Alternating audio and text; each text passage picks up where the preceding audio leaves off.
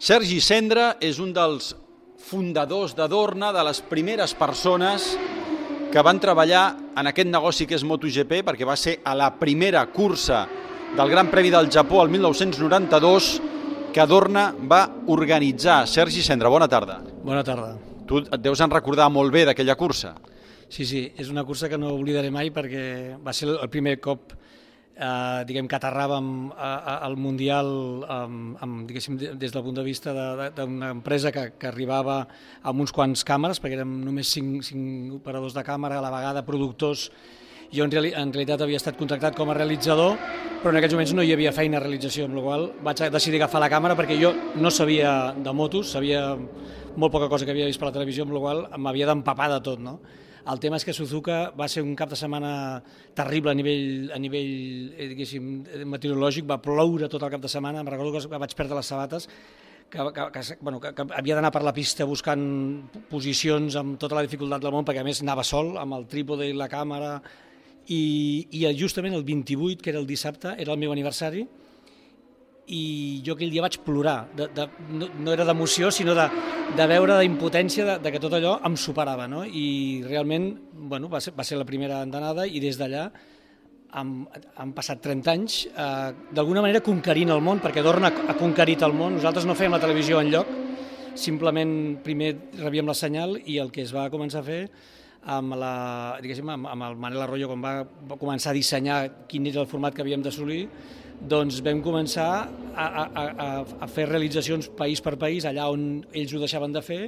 i realment allò ens ha permès créixer fins, fins avui en dia de que doncs, fem la, la senyal internacional a tot el món.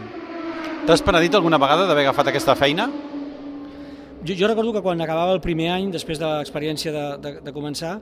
Uh, vaja, jo dic això, aquí estaré com a les altres feines que havia fet, jo estaré un parell d'anys més i, i ho deixaré, perquè encara les motos no, no m'encisaven prou. No? La veritat és que a mesura que anava passant el temps i amb els encàrrecs que anàvem fent i amb, i amb les noves feines, sobretot quan vaig començar a realitzar, uh, com dic gràcies al Manel, que va dir vols, vols, vols, vols fer d'ajudant en una cursa, vaig fer d'ajudant, vaig començar a realitzar, no hi havia guidelines, no hi havia, no hi havia protocols, no hi havia un llibre d'estil, i el que va ser meravellós va ser doncs, poder fer això des del començament, perquè llavors primer pots equivocar-te més, perquè tu ets el primer que ho fa, amb la qual no hi ha, no hi ha referències, i de cada país on anàvem apreníem. Jo aprenia dels australians, aprenia dels, de, dels alemanys, sabíem, veiem coses que no ens agradaven eh, d'altres llocs, i llavors, bueno, a, a, de tot el món vam, vam acabar fent, com dic, un, una forma de treballar, un guidelines que avui en dia doncs, està, bueno, que és referència no? com en el món de l'esport. Quan tires enrere 30 anys i amb la data d'avui, què és el que més t'ha al·lucinat? Per algú que vol ser director de cine, realitzador, creatiu, començar amb 17 càmeres i acabar tenint control de sobre 160 càmeres i, i amb un equip de 100, pràcticament de 100 persones, és un espectacle, vull dir, és, és, és un privilegi, no? perquè jo he tingut l'oportunitat de poder fer-ho, però també he tingut la sort de que Dorna diguem, ha, ha, ha invertit, ha, des, ha dedicat mitjans i ha cregut amb el projecte i, i gràcies a, la, a tota la gent que dirigeix aquest, doncs aquesta empresa, no? el Carmelo Espeleta, el, el Manel, l'Enrique i tota la gent que ha anat venint, doncs clar, ha aconseguit que això fos possible. Llavors, el miracle és una cosa que es feia repartida amb moltes mans, ara està concentrada, eh, per nosaltres cada cap de setmana és com un examen i realment això em, em fascina i, i em dona molta satisfacció, no? després de 30 anys, haver, haver arribat on hem arribat, sabent d'on començàvem, d'on partíem. En qualsevol cas, era imaginable Bé, el que és molt important és que nosaltres eh, hem estat sempre molt atents al que passava en el mercat, hem intentat eh, sempre també mirar, mirar la part, el balanç econòmic, perquè doncs, el Mundial tenia uns mitjans i tenia unes capacitats,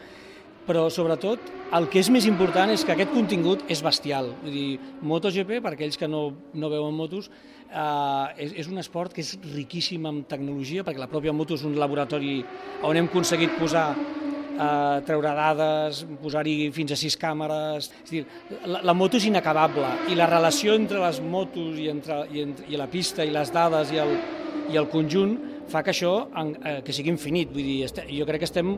vam sortir de l'edat mitjana i del Jurassic Park i hem arribat a, a, diguem, a l'era industrial i postindustrial, però això li queda camí recorregut, mm, vaja, per, per descomptat. Per tant, com a cap de realització de Dorna, el futur de la televisió i de MotoGP a 30 anys vista, què t'imagines? Jo m'imagino una gestió absoluta de la, de la dada, de la, de la, per exemple, la, la localització de la moto en tot moment pot servir per supercontrolar allà on està i què està fent, i què està fent una, una moto amb l'altra. Podrem arribar a dibuixar amb 3D com, són, com es mouen i quines interaccions tenen. Pot ser que hi hagi drons que ja estiguin homologats i no tenim els problemes que tenim ara i cada dron acabi seguint un pilot amb una visió que seria absolutament espectacular perquè l'helicòpter que tenim ara està a 1.000 peus, és a dir, a 300 metres, amb la qual et perds molt detall. Llavors, així com el futbol ja té aquesta càmera que vola per sobre i pot acostar-se, nosaltres això encara no ho hem, no ho hem aconseguit. Les onboard càmeres estan a la, en la moto, però estan en un nivell, a, a nivell de, de, de, de la vista del pilot. No hem pogut posar càmeres als cascs, arribarà la miniaturització per permetre tot això, la, la, el 5G ens permetrà moltes més velocitats. És dir, la tecnologia realment sempre ha anat al nostre favor i seguirà al favor d'un esport que té una base tecnològica, perquè el pilot és, és el 70, 80, 90%, però, però la moto és un, és un instrument tecnològic, amb la qual eh, per, permet acoplar-se i desenvolupar. Sergi Cendra, per molts anys. Moltes gràcies.